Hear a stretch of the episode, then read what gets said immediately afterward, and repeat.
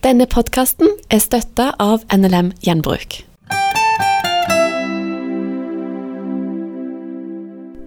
Margunn Serigstad Dale er ei kvinne med mange jern i ilden. Hun er førstelektor i studiekommunikasjon og livssyn ved NLA Mediehøgskolen Gimlekollen. En av grunnleggerne av Damaris Norge. Andagsskribent i avisa Fedrelandsvennen. Aktiv bidragsyter i Lausanne-bevegelsens medienettverk. Og leder for forskergruppa Barn, medier og livssyn, for å nevne noe. Hun er gift med Lars og bosatt i Kristiansand.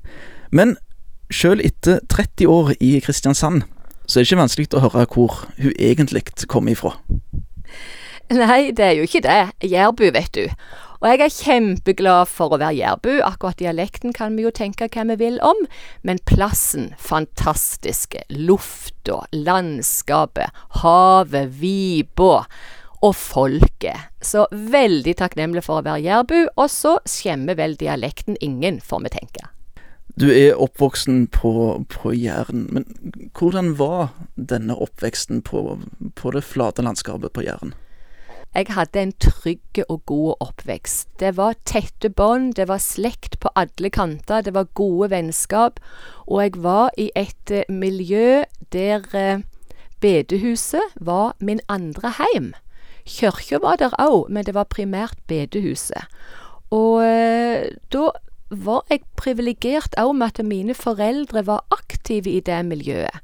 Sånn at søstera mi og meg ble dregne inn ifra vi var ganske små. Huset søstera mi hadde en sånn standard hun er fire år yngre enn meg, spurte er det andakt eller tale. Og da eh, kunne vi liksom zoome oss inn på ja, skulle hun sove, eller skulle hun være våken hele tida. Og den rikdommen der, eh, tenker jeg etter hvert som jeg er blitt eldre, har sett et veldig preg på meg som en ikke ser underveis, men en ser det når en kikker tilbake.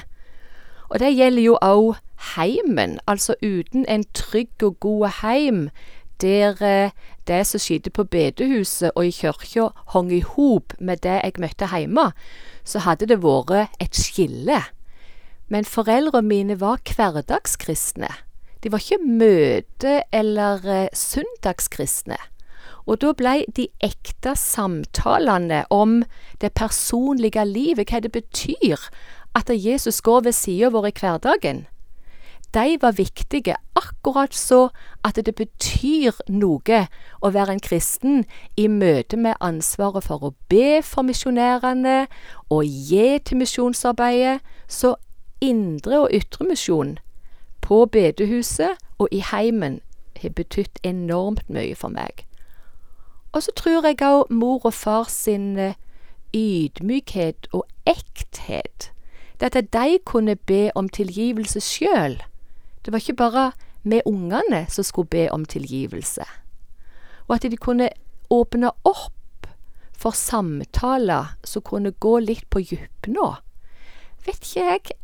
Jeg tok det gjerne som en selvfølge, men jeg har forstand etter hvert at det er ingen selvfølge at det var sånn på, på 60-70-tallet.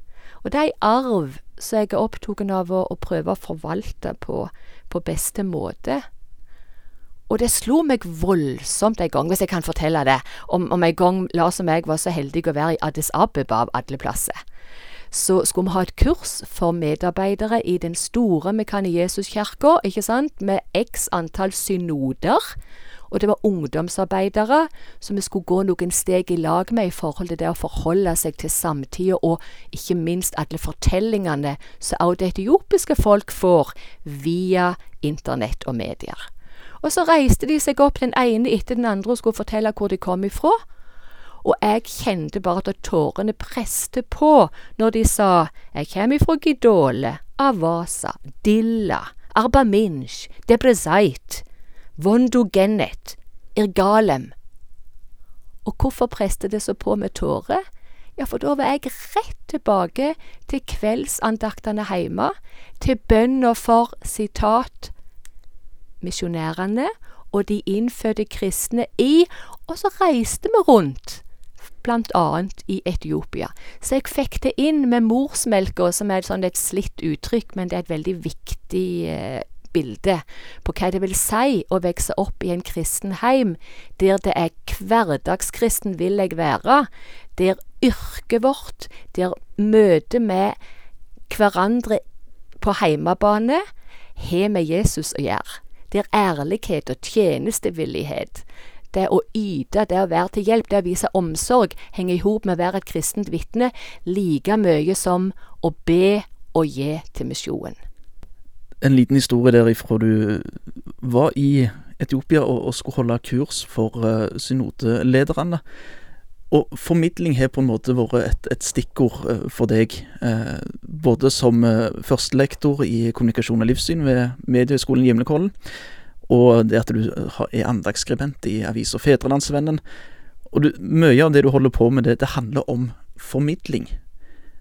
Men når var det du fant ut av at, at formidling det er det Margunn skal, skal drive med? Jeg var på ingen måte ei sånn som sto på en kjøkkenstol og sa som en onkel min sa 'jeg skal verte prest'. Eh, jeg sto ikke på noen kjøkkenstol og sa 'jeg skal bli lærer'. Men det lå nok i meg, det der ønsket om å bli lærer, det å gå steg i lag med elevene. Det vil gjerne overraske deg, Tollef, hvis jeg sier at den første filmen jeg så som jentunge, var Sound of Music, og likevel kom jeg hjem og grein.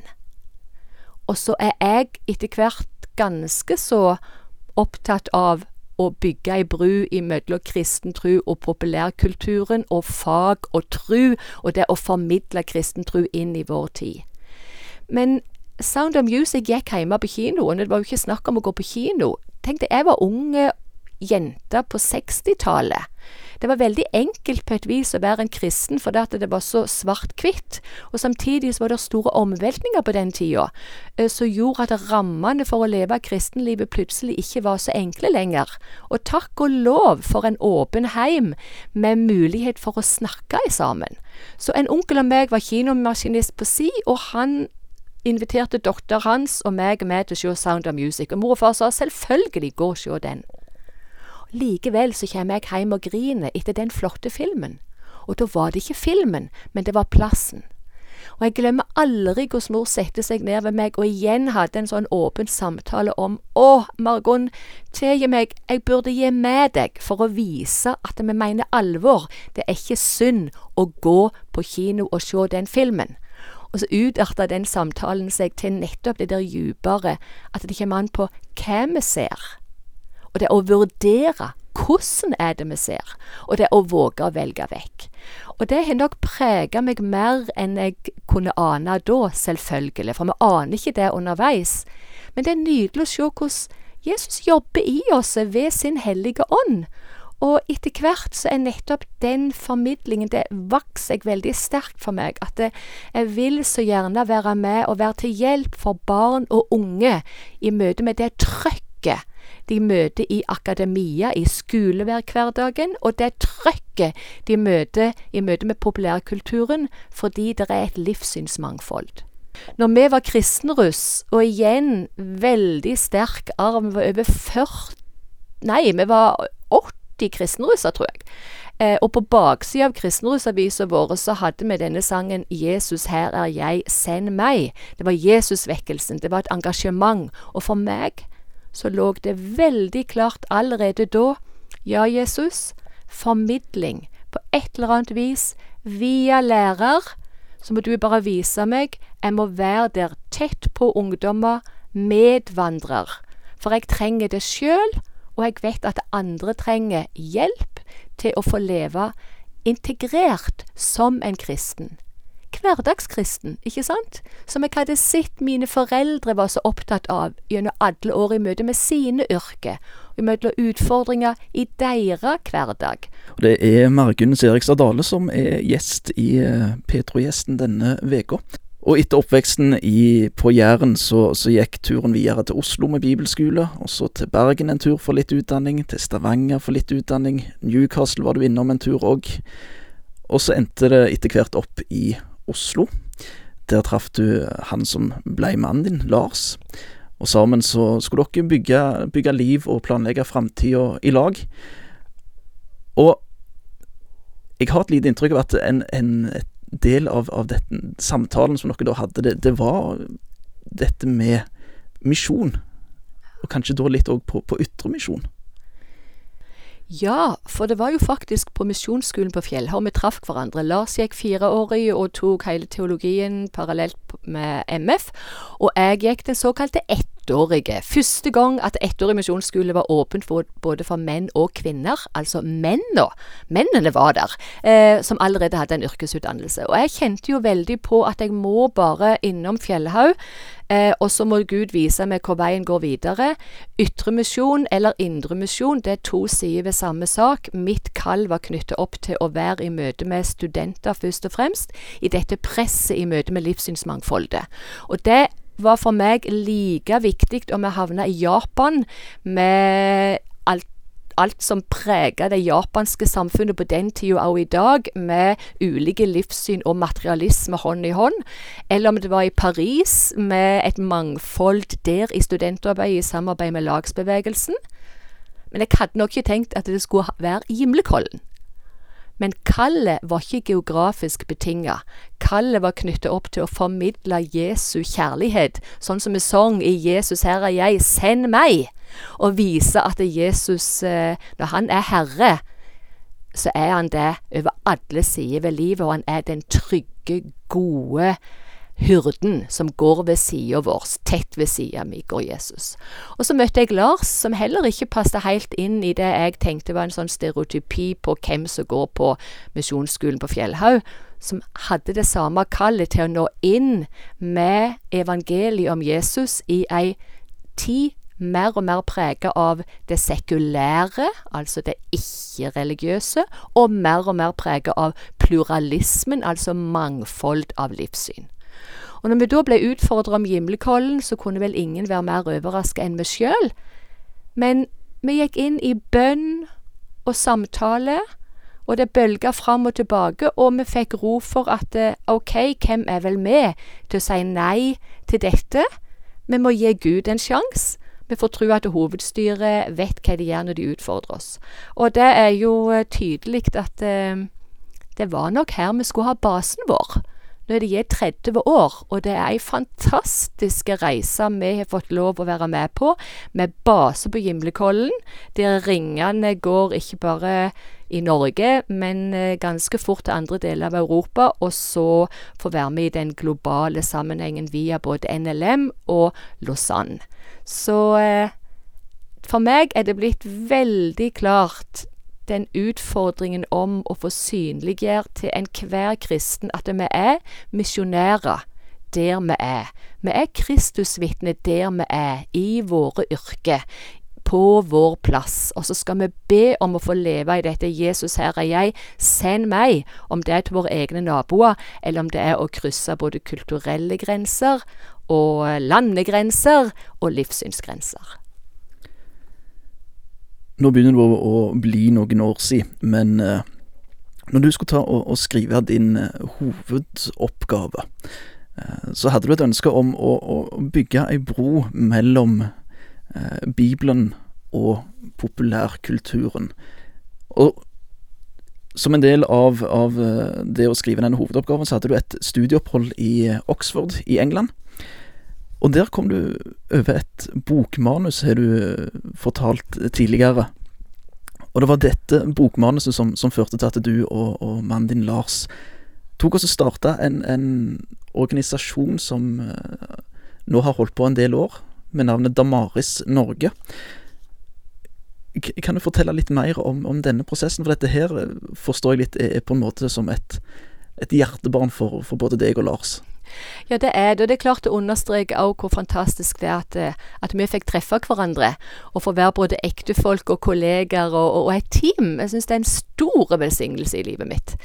Eh, og jeg hadde jo kavt med dette her sjøl som student, og kobla kristentrua til alt det som jeg møtte i, i fagene, og òg helt ifra Sound of Music, hvordan forholde meg til, til filmer og til andre populærkulturelle tekster som en kristen, og det å vurdere det. Så det å gå inn i et hovedfagsprosjekt for meg, var ikke noe jeg gjorde bare for å få liksom et hovedfag. Så derfor kavte jeg lenge med skal ta det i engelsk eller skal ta det i kristendom, alt etter hva var mest tjenlig, og hva skal da ta på. Og så slo det meg, jeg er nødt for å bygge ei bru mellom Bibelen og samtidskulturen og populærkulturen, og se hvor utrolig sterkt populærkulturen vil prege både unge og eldre, men særlig unge i livssynsdanningen. Ikke minst inn mot kristen tru som veldig fort eh, blir borte vekk i møte med populærkulturen. Og midt i dette så reiser jeg til Oxford fordi Lars eh, holdt på med en doktorgrad med base der. Og så ser jeg dette bokmanuset som du refererer til, der det står Making evangelism slightly less difficult. How to interest people who aren't interested. Ha! Gjøre evangeliseringen enklere, liksom. Hvordan gjør en det? Og så åpner jeg opp, og så var dette da et manus av han som akkurat hadde starta Damaris England, Nick Pollard, der han utfordra både seg sjøl og oss til å bygge ei bru mellom Bibelen og samtida. Akkurat det jeg hadde kravd som er. Eh, og finne ut hva er det som uh, ligger av verdier og holdninger og tankemønstre i populære filmer, f.eks., og hvordan skal vi knytte an til det. Så fikk vi kontakt med Nick nede i Southampton og hans team, og det var den dobla lyttingen til John Stott. Lytt til Bibelen, lytt til samtida, bygg ei bru, vurder. Og for første gang så så jeg i en heim, og så ei tenåringssåpe i lag med noen som hadde samme nøden som jeg kjente på, og som sa hør, hør hva de sa her, det er en peker til eksistensialisme, ta ditt eget valg, det er det viktigste, hva du bestemmer deg for er irrelevant, bare du velger selv. Hør, dette, dette er en peker til naturalisme, vi er bare natur. Hør, dette er en skeiv framstilling av Gud, de framstiller det å tro på Gud som ei blinde tru, ikke som en realitet. Du hører, jeg var heime, i en heim i Southampton. Og Damaris det er et navn på ei kvinne som Paulus møtte i Aten når han forholdt seg til livssynstorget i Aten. Han hadde bekrefta det som var sant og godt og rett i det de greske poetene hadde sagt, i det han så av uttrykk for gudstilbedelse på torget i Aten, men sa det dere søker uten å vite det, det formidler jeg, Jesus som sannheten. Og Damaris, hun var ikke ei av de som sa interessant, vil høre mer en annen gang, for det var det mange av de som sa, ifølge apostelgjerningene 17. Men hun tok imot Jesus der og da. Og det Paulus hadde gjort med å bekrefte og utfordre, det ønska Nick Pollard og hans eh, team å gjøre, og det kjente Lars og meg var umiddelbart en resonans i våre liv. Og vi tenkte dette må vi ta med oss i alt det som du har eh, holdt på med eh, i, i, løpet av det yrkesaktive livet, altså både som, som, lærer og som førstelektor og som grunnlegger av Damaris Norge, eh, andagsskribent, eh, så er det på en måte tre stikkord som, eh, som, går igjen, og som summerer dette her, eh, som òg er navn på, på ei forskningsgruppe som du, som du leder. Barn, medier og livssyn. Hva er det som er, er grunnen til at det, hva, hva, tror du er grunnen til at det er disse tre stikkordene som, som stikker seg ut? Jeg tror faktisk at det går rett tilbake til det du spurte meg om tidligere, om, eh, om det med formidling. Altså det å sjøl som ungdom kjenne på trøkket ifra populærkultur og samtid, og hvordan kan Jesus være sannheten i møte med alle som mener at eh, sannheten er bare noe som er helt individuelt og subjektivt, det er bare mitt. Eh, og medietrykket. ikke sant? Jeg vokste jo opp i den tida når populærkulturen kom skeinende inn. Og vi var nok ganske uforberedt som kirke, uforberedt som kristne organisasjoner på å møte det. Du har som nevnt mange ulike jern i ilden, og, og, og mange, eh, mange, oppgaver å, å, å, holde på med. Men hva er, hva er for deg den, den største på en måte den, den største gleden i, i, i, jobben? Ja, det er veldig mye det at jeg kjenner sånn en fred for at jeg får leve helt. Og en trygghet for at det er ikke noe rangering i hva som er viktig og mindre viktig, uh, ut ifra hvilken arena jeg er på.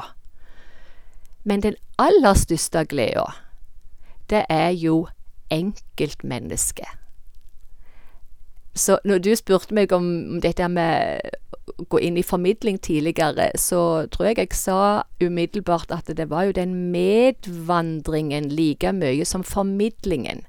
Og møtet med enkeltmennesket. Så det sterkeste for meg er jo òg tilbakemeldinger om at det faktisk har betydd noe på det dype, personlige plan. Og det å være med hode, hjerte og hånd i det en holder på med.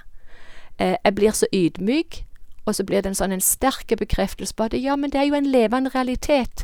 Jesus ved Den hellige ånd bor i enhver som tror på Han, og da bruker han oss på måter vi ikke ser. Og dess mer vi ser inn i det, dess mer ydmyke blir vi, og dess mer får vi lyst til å juble ut 'Jesus, her er jeg, send meg'. Og samtidig så er det denne bønna som uh, Sølvi Hopland, som gikk her på Gimlekollen før jeg begynte som lærer, altså det var lenge siden, eh, som har to sanger som preger meg egentlig inn mot dette som du spør om nå, med glede i, i jobben. Det ene er denne sannheten, du er ikke uunnværlig som min tjener, men som mitt barn er du umistelig. Det kommer fra en av sangene hennes. Jesus, her er er jeg, send meg, jeg vil dele din kjærlighet, men jeg er umistelig som ditt barn. Nettopp derfor må jeg få lov å dele det. Og så har hun denne sterke sangen som jeg eh, tipsa deg om at det kunne være fint å avrunde dette Petro-gjesten-programsekvensen med, nemlig Herre, gi meg dine øyne. Hvis vi får være der, i møte med enkeltmennesket, det er den dype gleda, det er vårt djupeste kall. Og så virker Jesus ved sin hellige ånd i det møtet, og så berører han der den andre trenger det mest, og så berører han meg der jeg trenger det mest i det møtet. Og så blir jeg velsigna, så blir jeg inspirert, og så skjer det noe med den andre òg. Og det tenker jeg er å være en hverdagskristen. Det er å være misjonær på et vis der vi er. Leve integrert som en kristen. Og så er jeg så utrolig takknemlig for den måten som Jesus har åpnet opp dører for meg, og så ønsker jeg så at hver enkelt skal få kjenne at det er der du er der er Jesus med deg, og han vil noe med din hverdag. Han vil noe med ditt liv. Du er ikke uunnværlig som min tjener, men som mitt barn er du umistelig. Og da vil vi òg be Herre, gi meg dine øyne. Margunn Serigstad Dale var denne ukas gjest i Petro-gjesten. Intervjuer var Tollef Børsedal.